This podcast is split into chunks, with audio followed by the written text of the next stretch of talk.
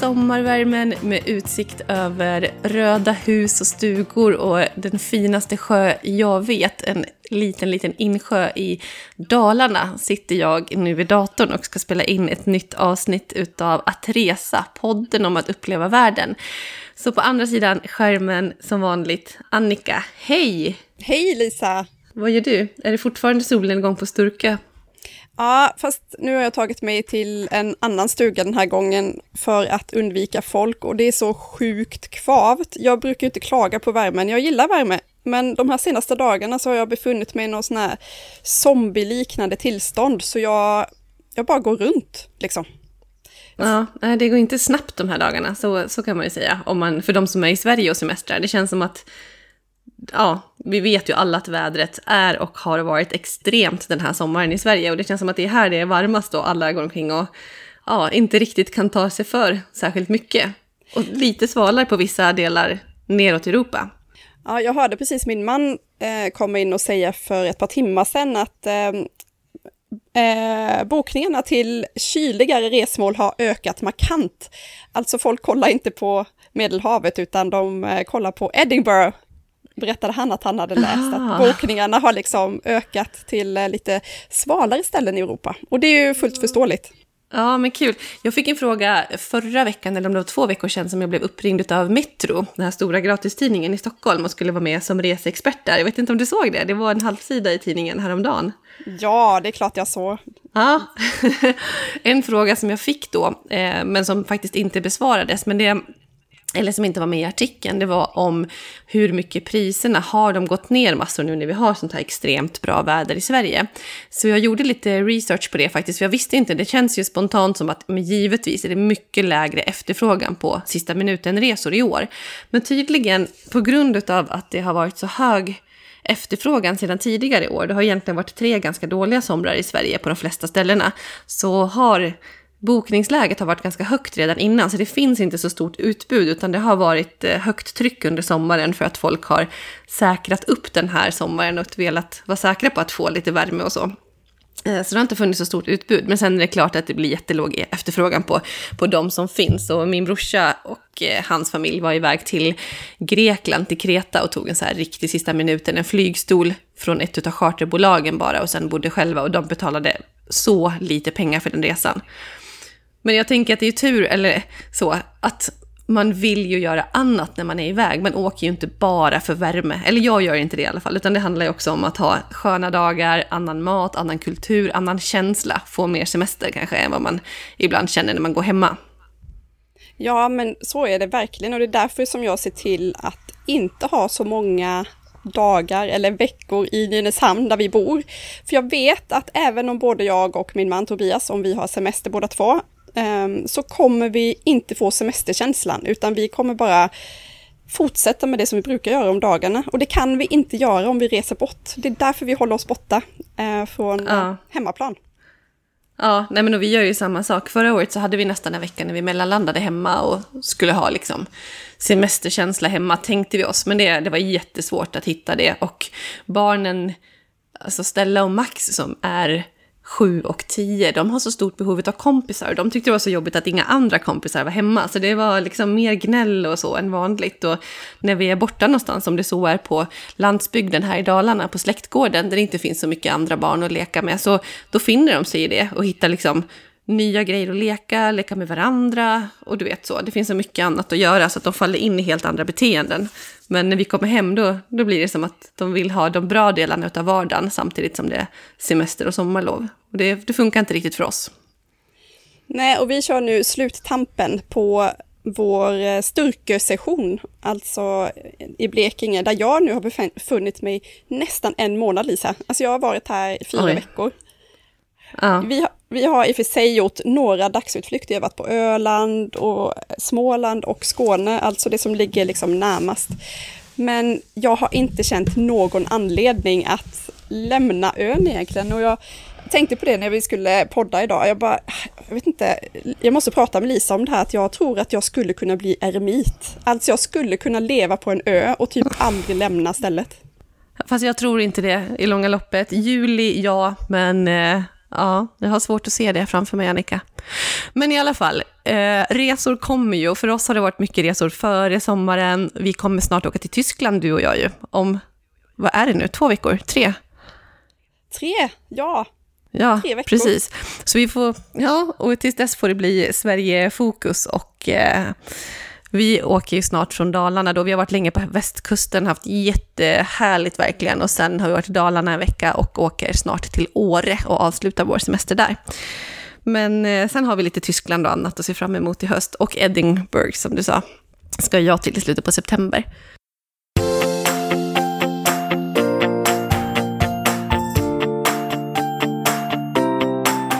Men vi måste ju snacka lite resor ändå, tänker jag. Och eh, vi har ett tema idag som är att resa medvetet.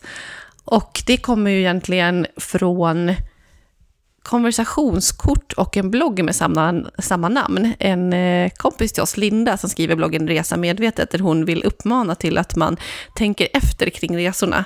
Både vad gäller alltså, allt vad medvetet kan innebära, hur man beter sig på ett resmål, hållbarhet, eh, Eh, politik, alltså hon är lite så här nagel i öga på ett väldigt positivt sätt och ifrågasätter olika typer av beteenden och, och så.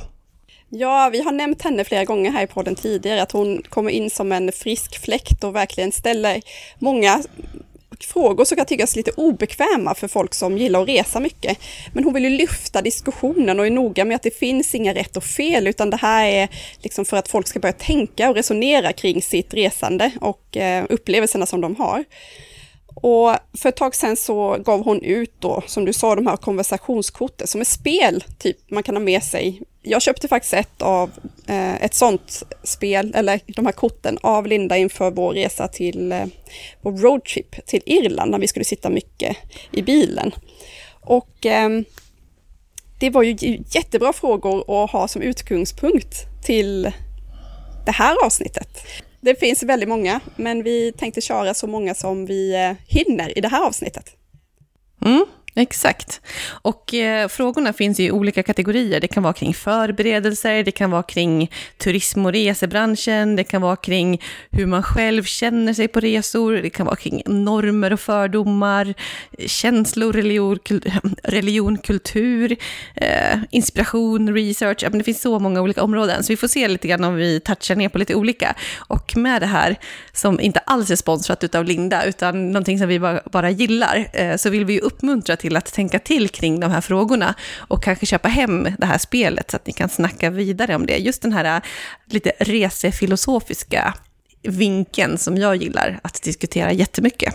En första fråga då, kring förberedelser. Annika, läser du på innan eller under tiden som du reser? Åh, alltså det här beror verkligen på vilken typ av resa som det är eh, som jag ska göra då. Um, det blev väldigt tydligt för mig förra veckan så skulle jag som jag nämnde tidigare, vi skulle åka till Öland, jag och mina syskon.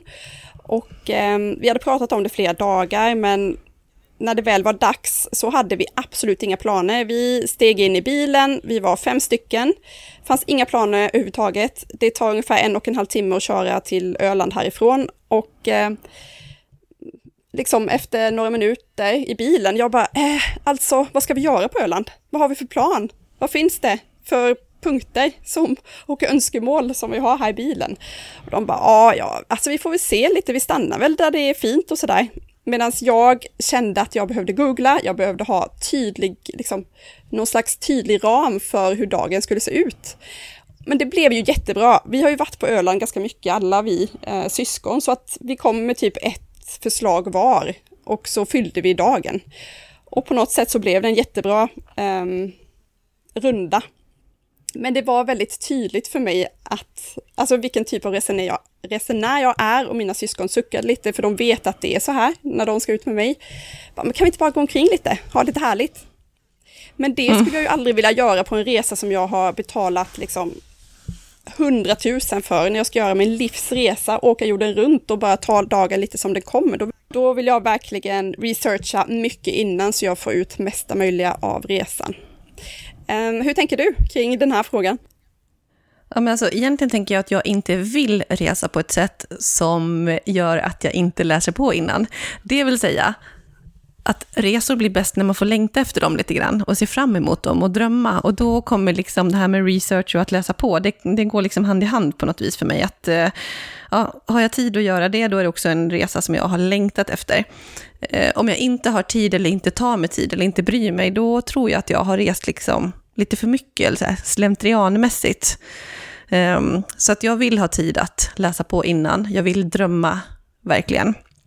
Eh, sen vill jag inte att resan för den sakens skull ska bli som en lång avbockning av en bucketlist. Att jag har läst det här vill jag göra, det här, det här och det här. Utan jag vill utgå ifrån en känsla och, och så. Eh, och kunna ta dagen lite som den kommer och kanske ha vissa grejer som jag ser framför mig att jag vill göra. För jag älskar ändå att uppfylla saker som jag har läst om och sett att nu befinner jag mig i den här målbilden som vi pratade om i förra avsnittet till exempel, när vi var ute och paddlade kajak utanför, eh, eh, utanför Karlstad. Att jag hade sett en viss bild framför mig och nu befann jag mig i det. Och till exempel om jag drömmer om Machu Picchu, det är min största drömresa nu, så här, ja, när jag står där och tittar ut över det här, alltså då befinner jag mig i målbilden och på det viset så vill jag ha några sådana målbilder i förväg. Men jag vill inte komma till ett ställe och bara, okej, okay, nu har jag sett det, check in the box. Så att, ja, du är mm. lite mer ute efter känslan i sig och vad du känner när du står där. Inte så att du ska ha sett det och bocka av, utan känslan du får när du faktiskt står där. Ja, verkligen. När det gäller ställen och så som jag har drömt om. Så absolut. Men sen tycker jag att mycket av resan händer under tiden. Alltså fråga människor på ett resmål, andra turister och lokalbefolkningen. Då får man ju de bästa tipsen. Så det är mycket som skapas under tiden också. Så ja, det är lite både och skulle jag säga.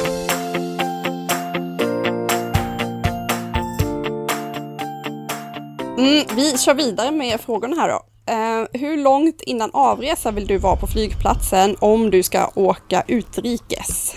Lisa, vad säger du? Ja, det beror lite på flygplats, men nu tänker jag att om man är i Sverige och så ska man åka från Arlanda, eller så, som är närmast för mig i alla fall, som bor i Stockholm, och så ska jag åka utrikes. Ja, men jag vill nog ha Alltså jag tycker känslan av en resa börjar ofta när jag är på flygplatsen. Bara att checka in, gå och sätta mig och ta en fika eller eh, så, eller en öl på flygplatsen. Då tycker jag att ja, det är så härlig känsla. Då har jag nästan påbörjat min resa. Så ja, jag vill ha lite marginal. Jag vill ha ungefär två timmar efter att jag har checkat in och gått igenom securityn när jag ska utrikes. Det tycker jag är lagom. Och så kanske jag räknar med en halvtimme på security och incheckning. Så att, ja, jag skulle säga att jag nog är där två och en halv timme innan ungefär. Jag tänker att två och en halv timme för mig är minimum. Det vill jag verkligen ha. Jag är så här extremt osugen på att vara ute i dålig tid. Alltså jag är inte tidsoptimist, utan jag tänker istället på allting som skulle kunna hända innan resan. Jag vill ha jättegod marginal och sån är jag alltid. Om jag ska träffa en kompis på stan, då är jag hellre där en halvtimme innan än liksom en kvart efter. Mm. Så ja, det beror lite på sällskap också. Åker man med barnen, då tar jag hellre ännu längre marginal. Okej, det är tråkigt med dem på flygplatsen och sådär, men det är så mycket annat som kan hända runt omkring och sådär som ska... Ja, jag vet inte. Det känns som att då vill jag ha lite mer marginal. Men vad gäller bokning då? Hur långt innan avresan föredrar du att boka flyg och boende? Ja, alltså jag vill ju ha de där bra dealarna, eh, bra prislapparna, så då eh, då beror på, det beror på när de dyker upp. När jag vet att det här är ett bra pris. Jag kan ändå jag har en ganska bra referensram på vad som är ett bra pris på en flygbiljett. Men jag vet i samband med att jag kollade på en eh, eh, jag skulle skriva ett inlägg om hur man hittar de billigaste flygbiljetterna så hittade jag en undersökning från Momondo eh, med lite statistik. För det är lätt att prata om hur det verkligen är och hur man tror att det är. Men enligt dem så de gjorde en sån här stor analys på en massa bokade flygbiljetter under ett dygn. Och då menade de att den bästa tiden att boka flygbiljetter för att komma ner i pris, det är två månader i förväg. Inte liksom, jag tänker lätt att det är ett halvår eller sådär, men två månader sa de. Och eh, den billigaste dagen att flyga ut är på tisdagar. Så det finns verkligen statistik som visar att, eh, ja men när det är billigast att resa. Det är en så klassisk fråga där. Det är också en fråga som jag har fått några gånger i intervjuer med tidningar och lite sånt där. För folk undrar det, hur gör man för att få de billigaste biljetterna? Men jag blir lite trött på det där att si och så långt innan så ska det vara absolut billigast. Det är mycket möjligt att det är så om man kollar på statistik som tittar på oerhört stora mängder data. Men alltså jag vet inte. Någonstans tror jag mer på att kolla in ett resmål du vill till, skapa dig din egen förståelse för vad som är ett rimligt pris. Då kommer man själv kunna känna också att shit, men nu känns det som att det är rimligt, det är prisvärt kanske till och med, nu slår jag till. Det ger för mig minst stress. Och om jag ska åka någonstans, så, alltså någon långresa pratar jag om nu, som jag kanske drömmer om lite mer, så, så då bokar nog jag sex till nio månader innan och just har lite koll på, ja men det kostar ungefär så här mycket att åka och gör sökningar lite fram och tillbaka under några veckors tid. Och sen när det känns som att men nu har jag hittat rätt bra biljetter, och man ska inte bara leta efter de billigaste heller, utan det handlar ju om vad är prisvärt, men det kan ju vara att du vill ha en kortare mellanlandning, du vill ha ett bra flygbolag, det finns så mycket olika saker, så att bara jaga de billigaste biljetterna, alltså det skulle jag inte riktigt göra. Det känns inte som det viktigaste, det är inte samma sak som prisvärt, att det är den billigaste. Så ja, nej men jag är nog inte så spontan när det kommer lång, till de långa resorna, utan då pratar vi ett halvår innan, minst, kanske, ja, mellan sex och nio månader. Mm. Vi bokade våra flygbiljetter till Thailand för ett par månader sedan och vi åker i januari. Så det är verkligen, vi var ute i väldigt god tid den här gången. Ja, och vi kör ju Guadeloupe på höstlovet och bokade det i våras, alltså flera månader sedan, absolut. Så det var nog runt ett halvår innan då. Och då finns det mycket resor dit. Det är verkligen, ja, det, det finns gott om flyg dit. Jag ser däremot till att inte gå in i efterhand och kolla på priserna, för då blir jag helt galen om jag ser att jag har liksom, tänk de är 3000 kronor billigare idag. Usch, nej, mm. då får det vara, då slutar jag liksom.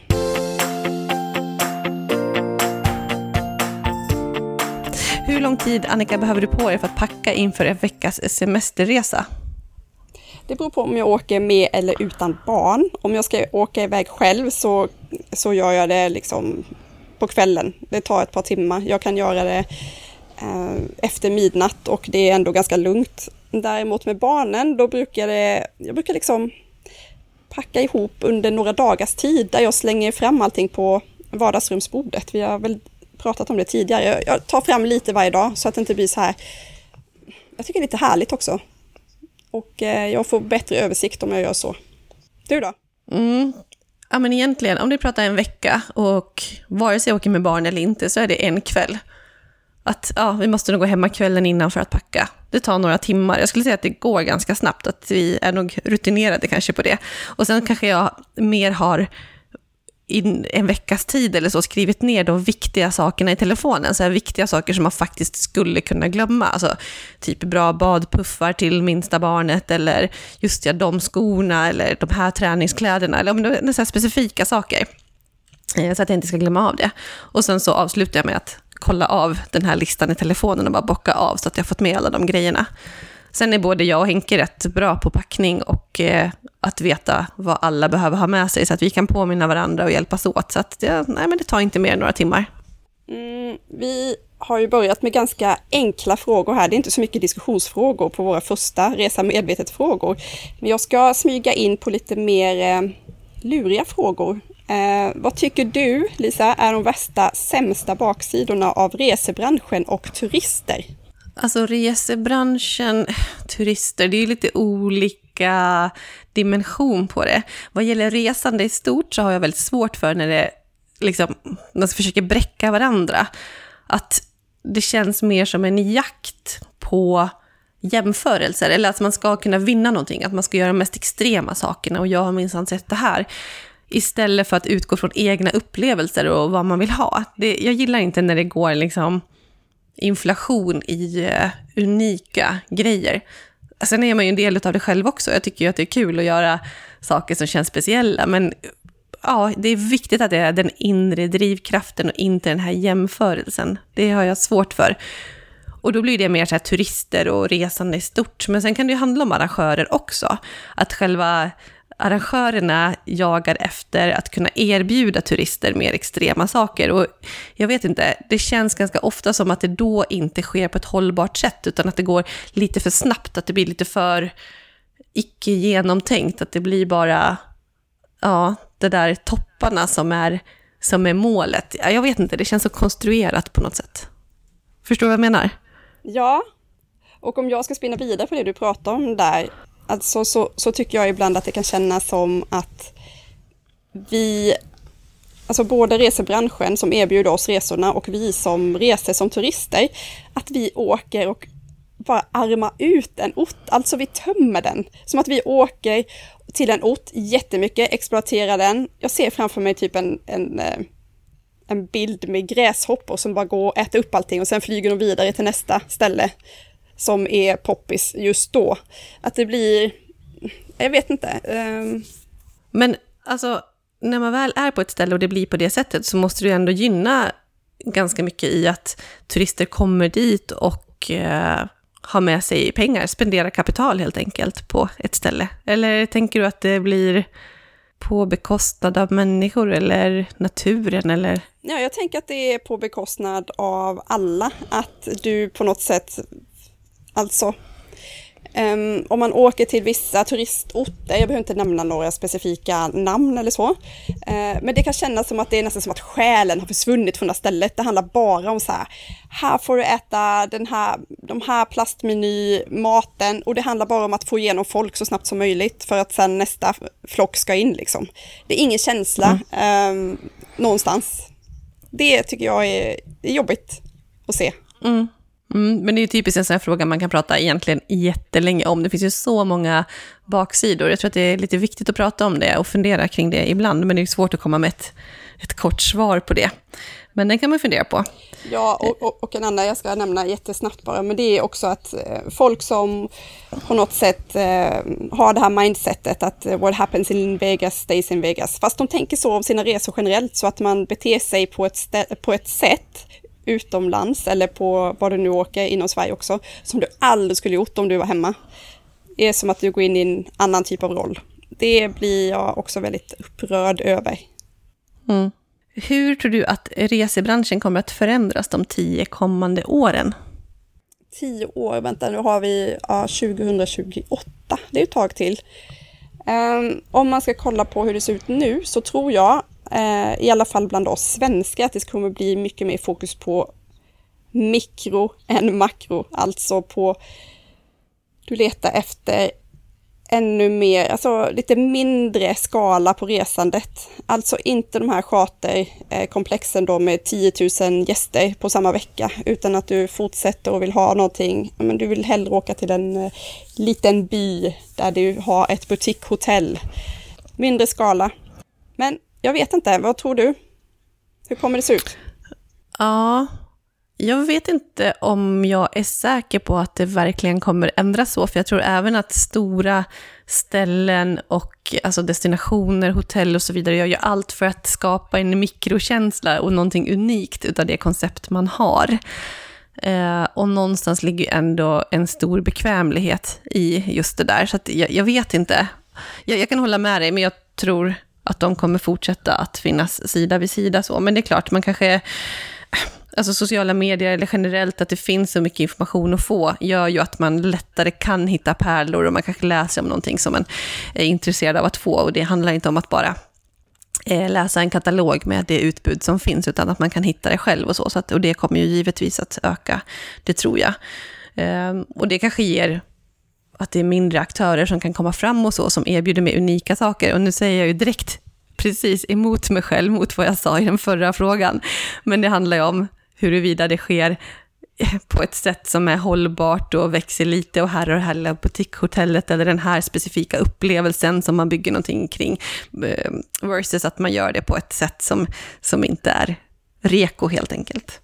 Eh, så ja, men någonting som jag tänker mer på vad som kommer hända på tio år så handlar det mer om hur människor i andra länder kan resa och hur det påverkar turismen och hur mycket mer flygavgångar det kommer bli. Här kan vi ju kanske i Sverige prata mycket om att vi börjar tänka till kring vårt resande framförallt flygresande då, om man säger så, och kanske gör mer aktiva val och kanske drar ner antalet flygresor och försöker göra någonting annat också. Jag tror inte att vi kommer sluta flyga så, men sen kommer det helt andra grupper i samhället eller framförallt liksom i andra delar av världen som får möjlighet att göra det. Hur växer det då? Vad händer på tio år? Alltså det kommer ju förändra på destinationer, vilken typ av människor och från vilket, vilka länder de kommer, hur moget är deras resande, vad ska erbjudas då?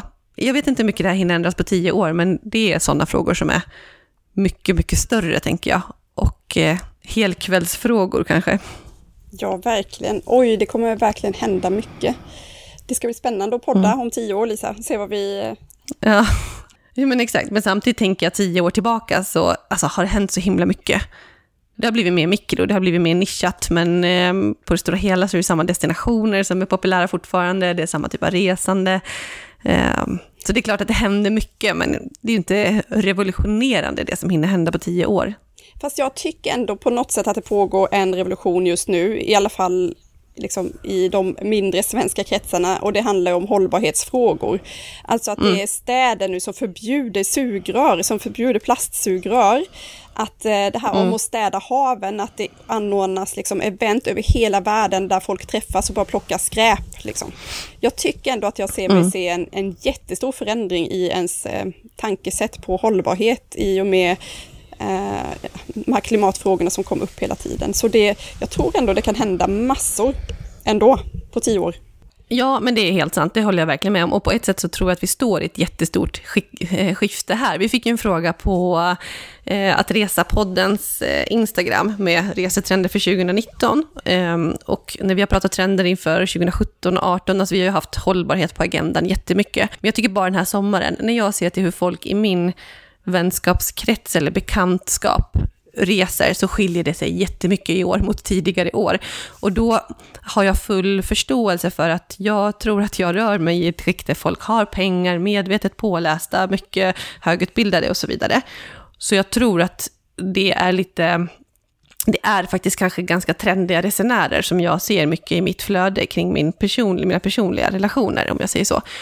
Och där ser jag så mycket roadtrips, alltså att man tar bilen ner till eh, Sydeuropa och är borta i flera veckor.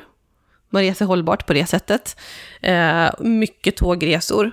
Och det här kommer öka så mycket mer. Och mycket resa nära också. Alltså folk som inte har varit till eh, Norrland innan åker dit. Alltså så man ser nya delar av Sverige och även våra andra nordiska länder. Så på det viset, precis som du är inne på, vad jag vill komma till med den här långa utläggningen är att det är just den här hållbarhetsfrågan.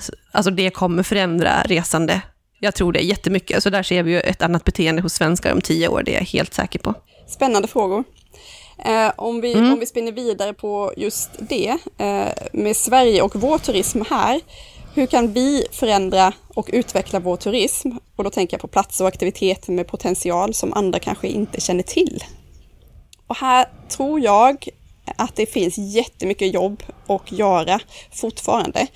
Eh, jag tänker att eh, våra svenska städer måste bli bättre på att marknadsföra sig som städer året runt destinationer. Alltså ta Åre som exempel som tydligen har varit en typisk vinterdestination. Har lyckats liksom att vända hela sin alltså hela bilden av Åre, att den är, lite, det är lika attraktivt att åka dit på sommaren som på vintern. De har ju fullbelagt hela sommaren och det är en annan typ av aktiviteter. De som åker skidor på vintern är nu där och cyklar nerför skidbackarna. Alltså, jag vet inte om jag nämnt det tidigare, men det var någon destination som jag pratade om, som jag ville resa dit och göra något reportage om hur, vad det fanns att göra under höst och vinter och vår, för att det var en typisk sommardestination. Och jag fick eh, svaret tillbaka att nej men, här finns ingenting att göra de delarna av året. Det är bara på sommaren som folk kommer hit. Eh, jaha, okej. Okay. Är det så ni vill ha det, så visst, ha det så, men jag ser ju att det finns potential. Och här tror jag som sagt att eh, det finns jättemycket jobb kvar att göra i och med att, som vi precis har nämnt här, att den här, den här eh, viljan och eh, efterfrågan kommer att finnas på att faktiskt resa mer inom Sverige och resa nära. Och då måste också destinationer kunna erbjuda saker att göra alla tider på året. Mm.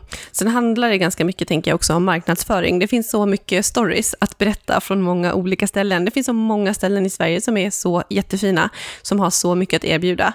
Och eh, här handlar det om att eh, tydliggöra det för marknaden och människor vad som finns att göra på olika ställen. Precis som du säger, varför ska man åka dit? Och se till att skapa möjligheterna och informationen, men också sprida det och marknadsföra, för att det behöver inte bara vara de mest klassiska och välkända destinationerna som har någonting att erbjuda, och som du säger, på olika delar av året, utan här, vi har så mycket i vårt eget land och som inte behöver vara beroende av värme eller så, utan att det faktiskt kan vara helt andra saker som vi, som vi triggas av och vill, vill se och göra. Men som ett marknadsföringsexempel där, jag har precis kommit, ganska nyligen kommit tillbaka från Östersund, eh, där jag var och skulle skriva Svenska pärlor. Och då kan du tänka att Östersund under de senaste tio åren har marknadsfört sig som vinterstaden. Så deras logga har varit ett eh, snöhjärta, liksom ett hjärta eh, format av snöflingor. Och eh, det är klart att jag som potentiell besökare funderar på vad som finns att göra i Östersund under sommartid när hela loggan är ett snöhjärta. Och det fanns ju hur mycket som helst att göra. Vi fyllde våra dagar och eh, kom kommer åka tillbaka absolut under sommartid.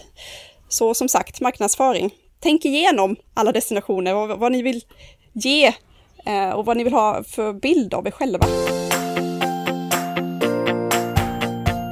Finns det några länder eller platser som kommer vara eh, toppdestinationer, tror du, om tio år? Åh. Ja, jag tänker spontant att det finns så många länder som, som inte får den uppmärksamhet som de förtjänar. Och det är kanske på gott och ont, som vi har pratat om just här. Vill vi att de här små oupptäckta pärlorna som vi har hittat ska liksom få en sån turistboom som man inte knappt kan åka dit för att det är fullbokat på alla hotell. Slovenien är ett sånt exempel som vi har nämnt flera gånger som det är som att folk bara, va? Hur har jag kunnat missa det här alla de här åren? Det är ett otroligt vackert land. Jättebra eh, turistnäring och det är ja, men så fint. Och det är som att svenskarna nu har förstått sig på det. Så det är ju ett exempel på ett land som har kommit starkt och jag vet inte, jag tror att fler sådana, ehm, fler av de länderna där nere i närheten kommer att få en eh, rejäl uppsving under de eh, kommande tio åren. Vad tror du? Det håller jag givetvis med om. Jag är dock lite sådär lite mer bakåtsträvare eh, kanske. Nej då, men apropå det tidigare resonemanget också, så jag tror inte det hinner hända så mycket. Alltså jag tror inte det kommer, vi kommer fortfarande åka till Thailand. Alltså det kommer fortfarande vara Thailand och USA i topp liksom. Mallorca, Spanien, du vet. Så, eh, så att, ja, men absolut, det kommer vara, tror jag också, alltså det kommer vara samma som idag, men med vissa uppstickare. Östra Europa definitivt, men ännu mer Asien. Jag tror också Karibien, alltså att ta sig dit på olika sätt. Det, att det blir att kännas eh, också lite närmare, att man kan åka dit till fler ställen och man kan resa på ett annat sätt runt i Karibien också, än vad man kanske ser framför sig på enklaste sätt. Så. Får, Vad tror du om det? Ja, vi får återkomma helt enkelt i den frågan också. Ja.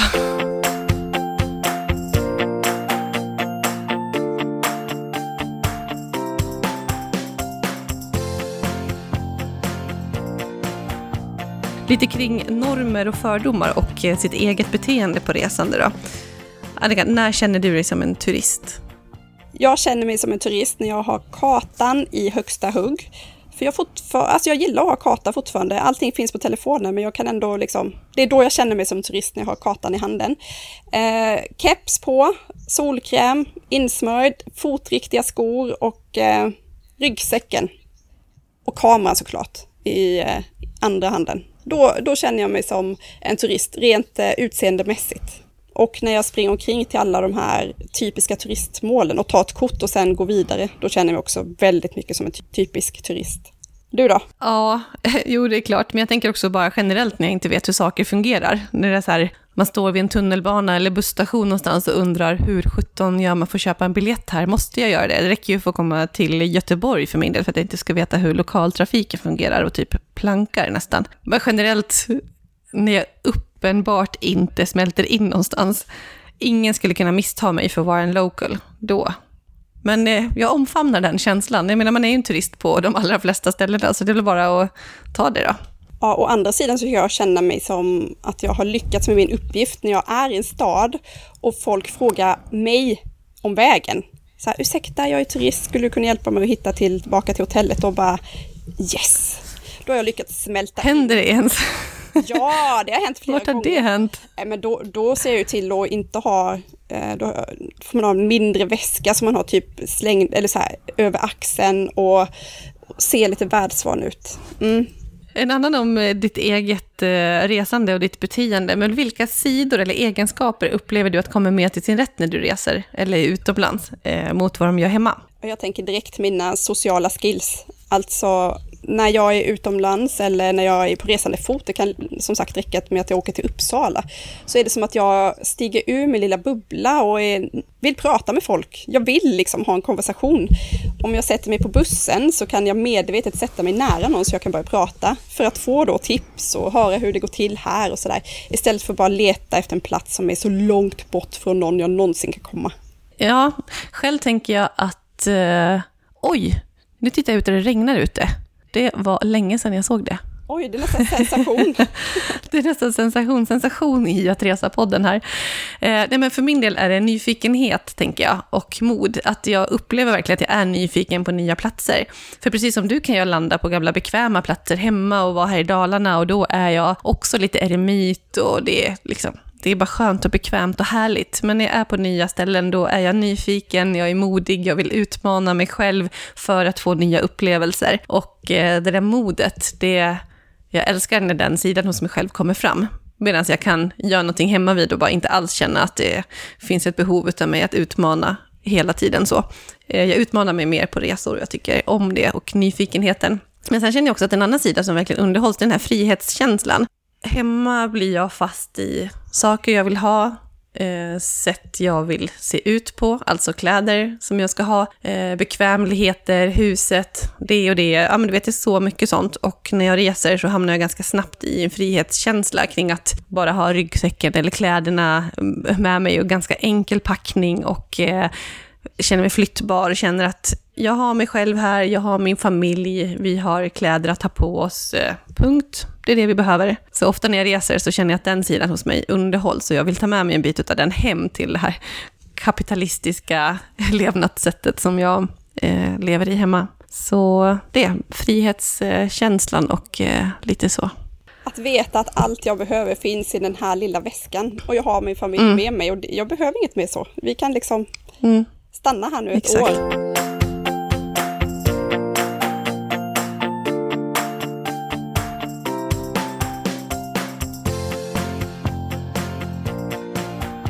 Men du Lisa, vilka normer i andra länder, kulturer, tror du att vi svenskar oftast bryter mot? Ja, det är nog säkert jättemånga hela tiden, för att det kräver ju att man är påläst för att kunna bete sig på rätt sätt i ett land. Sen behöver man inte adoptera alla regler, eller ja, regler behöver man kanske adoptera förstås, men just vad gäller normer, allt behöver man kanske inte följa riktigt heller, men Ja, jag, jag, jag, tror kanske jättemycket kring att vi i Sverige är jämställda och ser män och kvinnor som att vi har samma förutsättningar och rättigheter och så vidare. Så att jag tror att det är mycket kring det med hur män och kvinnor ska interagera. Så länge man vet vad som gäller i ett land, alltså när det blir mer rejäla saker som man behöver förhålla sig till och bör göra för att vara turist i ett land, då behöver man såklart vara påläst och göra på rätt sätt så. Men annars tror jag kanske att det kan vara bra. Alltså, spelar roll om jag sätter mig fram i en taxi och pratar med taxichauffören. Ja, där vill jag nog sprida att det här är normalt och naturligt. Men jag kan tänka mig att det är just det här med hur män och kvinnor ska kommunicera och eh, interagera, det kan nog vara det som är som är mest vanligt att vi bryter emot, så att säga? Ja, en, en sak som är viktig att, att göra, tycker jag, när man reser, det är att inte pracka på att hur kan ni ha det så här? Hur kan ni leva så här? Det här är inte jämställt. För att den diskussionen, det är bara att lägga ner på en sekund. Det här handlar om liksom en hel kultur, hur den är uppbyggd från grunden. Det man däremot kan göra är att berätta hur vi har det i Sverige. Så, ja men eh, min man har varit hemma nu i sex månader med barnen. Bara, Va? Hur tänker du då? Eller liksom, hur, hur, hur funkar det? Och så får man igång en diskussion istället för att direkt komma och döma andra för hur de lever. Mm. Men Annika, om du var resejournalist, det är ju nästan nu, men nu är ju frågorna från Lindas Resa Medvetet kort det här. Om du var resejournalist, vilka reportage eller ämnen skulle du vilja jobba med?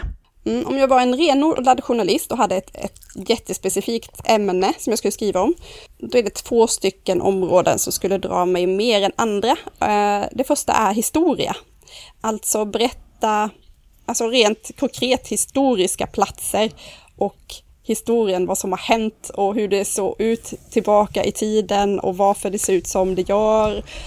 Mm, jag tycker om historia, jag tycker att det är väldigt spännande. Men på samma tema, fast en helt annan, eh, en annan kategori, är ju människors historia. Alltså livsöden, träffa människor. Jag tycker det är jätteintressant när man gör porträtt av människor som bor på en viss plats och får följa hela deras historia. Och då kan det vara, alltså allting blir intressant när det handlar om en människa som jag inte känner. Jag vill, jag vill veta varför den tycker som den gör, var den är uppväxt, hur det är på den här platsen. Så historia, fast på olika sätt. Gör du det nu då, känner du, när du faktiskt har möjlighet att eh, skriva om vad du vill i dina egna kanaler? Alltså, Hela poängen med blogg. ja, alltså mycket mindre än vad jag skulle vilja. Jag vill att det ska utvecklas åt det hållet. Eh, till viss del, ja, men inte alls så som, eh, så som jag tänker mig. Jag vet att när, när jag började blogga så sa Tobias till mig, eh, han hade en idé om att, att jag skulle ha en, en blogg där jag bara berättar om historia, liksom bara berätta om folk som jag träffar, typ du vet göra porträtt i varje land jag kommer till. Ja men åker jag till Dubai, mm. eh, då ska jag intervjua en taxichaufför, ha hans bild och så får han berätta liksom. Och så kanske till och med göra filmintervjuer med de här. Eh, så han hade någon idé att det skulle vara superintressant och jag, jag hakade aldrig riktigt på den idén. För jag vill ju berätta min historia också, inte bara deras, men jag kan ju väva in det på något sätt. Mm, jag får eh, får fundera vidare lite på det. Åh, oh, det hade varit jätteintressant. Det kan du ha som en, eh, alltså du kan göra det som ett återkommande tema, även om du inte gör om hela bloggen. Det är ju jätte, jätteintressant verkligen. Mm. Mm, vad hade du gjort för något? Nej, men något som jag tänker mycket på kring resor, det är lite så här resor på gränsen till filosofi, alltså livet, livsfilosofi nästan, alltså hur det påverkar människor och, och så. Det och samhällsperspektivet. Så att om man jämför historia med nutida liksom samhällsläge, Eh, eh så är jag nog mer på nutida och, och, ja, det är klart det blir människoöden och så också då, men just lite så här, ja men samhällsperspektivet och, eh, och livsfilosofiskt och liksom resefilosofiskt. Jag gillar det, alltså jag tror att jag ibland får in det i bloggen, inte tillräckligt ofta. Eh, det är lite för mycket, alltså bloggfokus nu, reseblogg, är lite mycket tio saker att göra här och där, skriv för Google, alltså det blir lite mer faktiskt ärligt talat clickbait. Jag gör mitt bästa för att försöka att inte hamna där. Eh, så. Det finns många som gör det väldigt mycket mer än vad jag gör, eller du gör, men eh, jag tycker nog att resebloggeriet nu är väldigt mycket tio tips hit, bla bla bla liksom. Egentligen så tilltalas jag och triggas jättemycket av de här lite mer eh, eftertänksamma och filosofiska delarna. Liksom. Det där är väldigt lurigt, för om jag har en kompis som ska åka till USA, som ska åka till New York och fråga mig om, men vad ska jag göra då? Tio stycken platser, vad ska jag se, vad ska jag äta, vad ska jag göra? Då kan jag inte skicka över ett inlägg som är så här, så här kände jag när jag såg Frihetsgudinnan och tänkte på alla de frihetskämparna som kom till USA efter att ha bott i Sverige och kämpat sig igenom. Du vet, det blir ju, mm. det blir ju jättekonstigt. Ja, vi måste ju ha de inläggen också, fast vi får väl varva. Det är väl det vi försöker mm. göra också. Ja, men absolut. Så är det. Någonting som blir en eh, nästan eh, tv vad säger man, tv-hallå-övergång från det du nyss sa, är att om man går in på inspiration och research, alltså hur beskrev du nu ditt senaste resmål för andra när du kom hem? Berättade du en eh, personlig historia eller var det tipsen? Alltså, min senaste, mitt senaste inlägg som handlar om senaste resa som jag gjorde. Um, oj, jag har ju skrivit väldigt, väldigt mycket om mina dagar Alltså, jag vet inte, räknar du det här som en resa och vara på Sturkö? Här skriver jag väldigt personligt när jag är här, för att det är så mycket känslor här med familj och liksom barndomen och allt det här. Men en resa utanför ön, vi åkte ju till Öland som jag berättade tidigare och inlägget jag skrev därifrån var om Eketorpsborg och det var väldigt historieinriktat. Där fick jag in min historiebeskrivning om den här forntida borgen och som kommer från järnåldern så de har restaurerat och byggt upp igen. Eh, och då skrev jag ett inlägg som handlade bara om, den här, om det här besöket i den här borgen som jag helt har missat. Det känns bra att jag skrev ett historieinlägg eftersom vi just har pratat om mitt historieintresse. Och den, det kan jag verkligen rekommendera och då skriver jag ju det. Här, ty hit tycker jag att ni ska åka. Och det baserar sig bara på att jag tycker om den typen av eh, utflykter. Mm. Du då, V vad var din eh, senaste så här, riktiga beskrivning i bloggen av ett resmål som du har gjort? Eh, nej men då blir det ju när vi reste till Karlstad nyligen, för nu har jag ju hållit mig i Sverige. Ja visst, jag har varit men jag har ju skrivit om hotell, Tanumstrand i Bohuslän som vi var på, varför man ska åka dit och alla aktiviteter. Jag har ju skrivit om eh, stränder i Halmstad, något schysst café. Alltså det är mycket Halmstad för mig på sommaren också. Eh, men jag tänker på Karlstad, då var det ändå jag fick mycket frågor av kompisar. Bara, jag såg att du var i Karlstad. Alltså det var så här, vad, vad, vad, vad, vad var för det? Och när jag då kunde berätta att ja, men vi var där och vi skildrade det aktiva Karlstad och det var så fint och vi gjorde de här sakerna så blir folk verkligen intresserade. Och då kan vi ju komma tillbaka igen till det vi pratade om tidigt med att resa nära och att eh, berätta saker och marknadsföra destinationer på nära håll. Att det finns så mycket att se och jag tror att jag och du, att vi ändå spred ganska mycket inspiration till Karlstad. Och sen så var det roligt, vi passerade Karlstad igen på vägen från Eh, Tanumstrand utanför Grebbestad när vi skulle upp till eh, Dalarna därifrån. Så åkte vi igenom Karlstad och det var i lunchtid och jag bara, jag vet exakt vart vi ska luncha, vi kan välja på de här tre, fyra ställena som ska vara bra och vi åkte in till ett som vi aldrig hann med, Zest, ett eh, så här, hälsokafé, jag bara, det blir superbra, jag kände igen mig när vi kom in till stan. Jag, blev, jag bara, titta här, det är här det här ligger, det som är så fint så här och här var vi och sprang, då svängde man av åt det här hållet. Alltså, det är så kul när man får ny, nya relationer, eller man får relationer till nya ställen. Du han till och med sälja in Karlstad till din man. Och han är ju inte ja, men... lättflörtad när det gäller resmål. Nej. Nej, men precis, precis. Ja.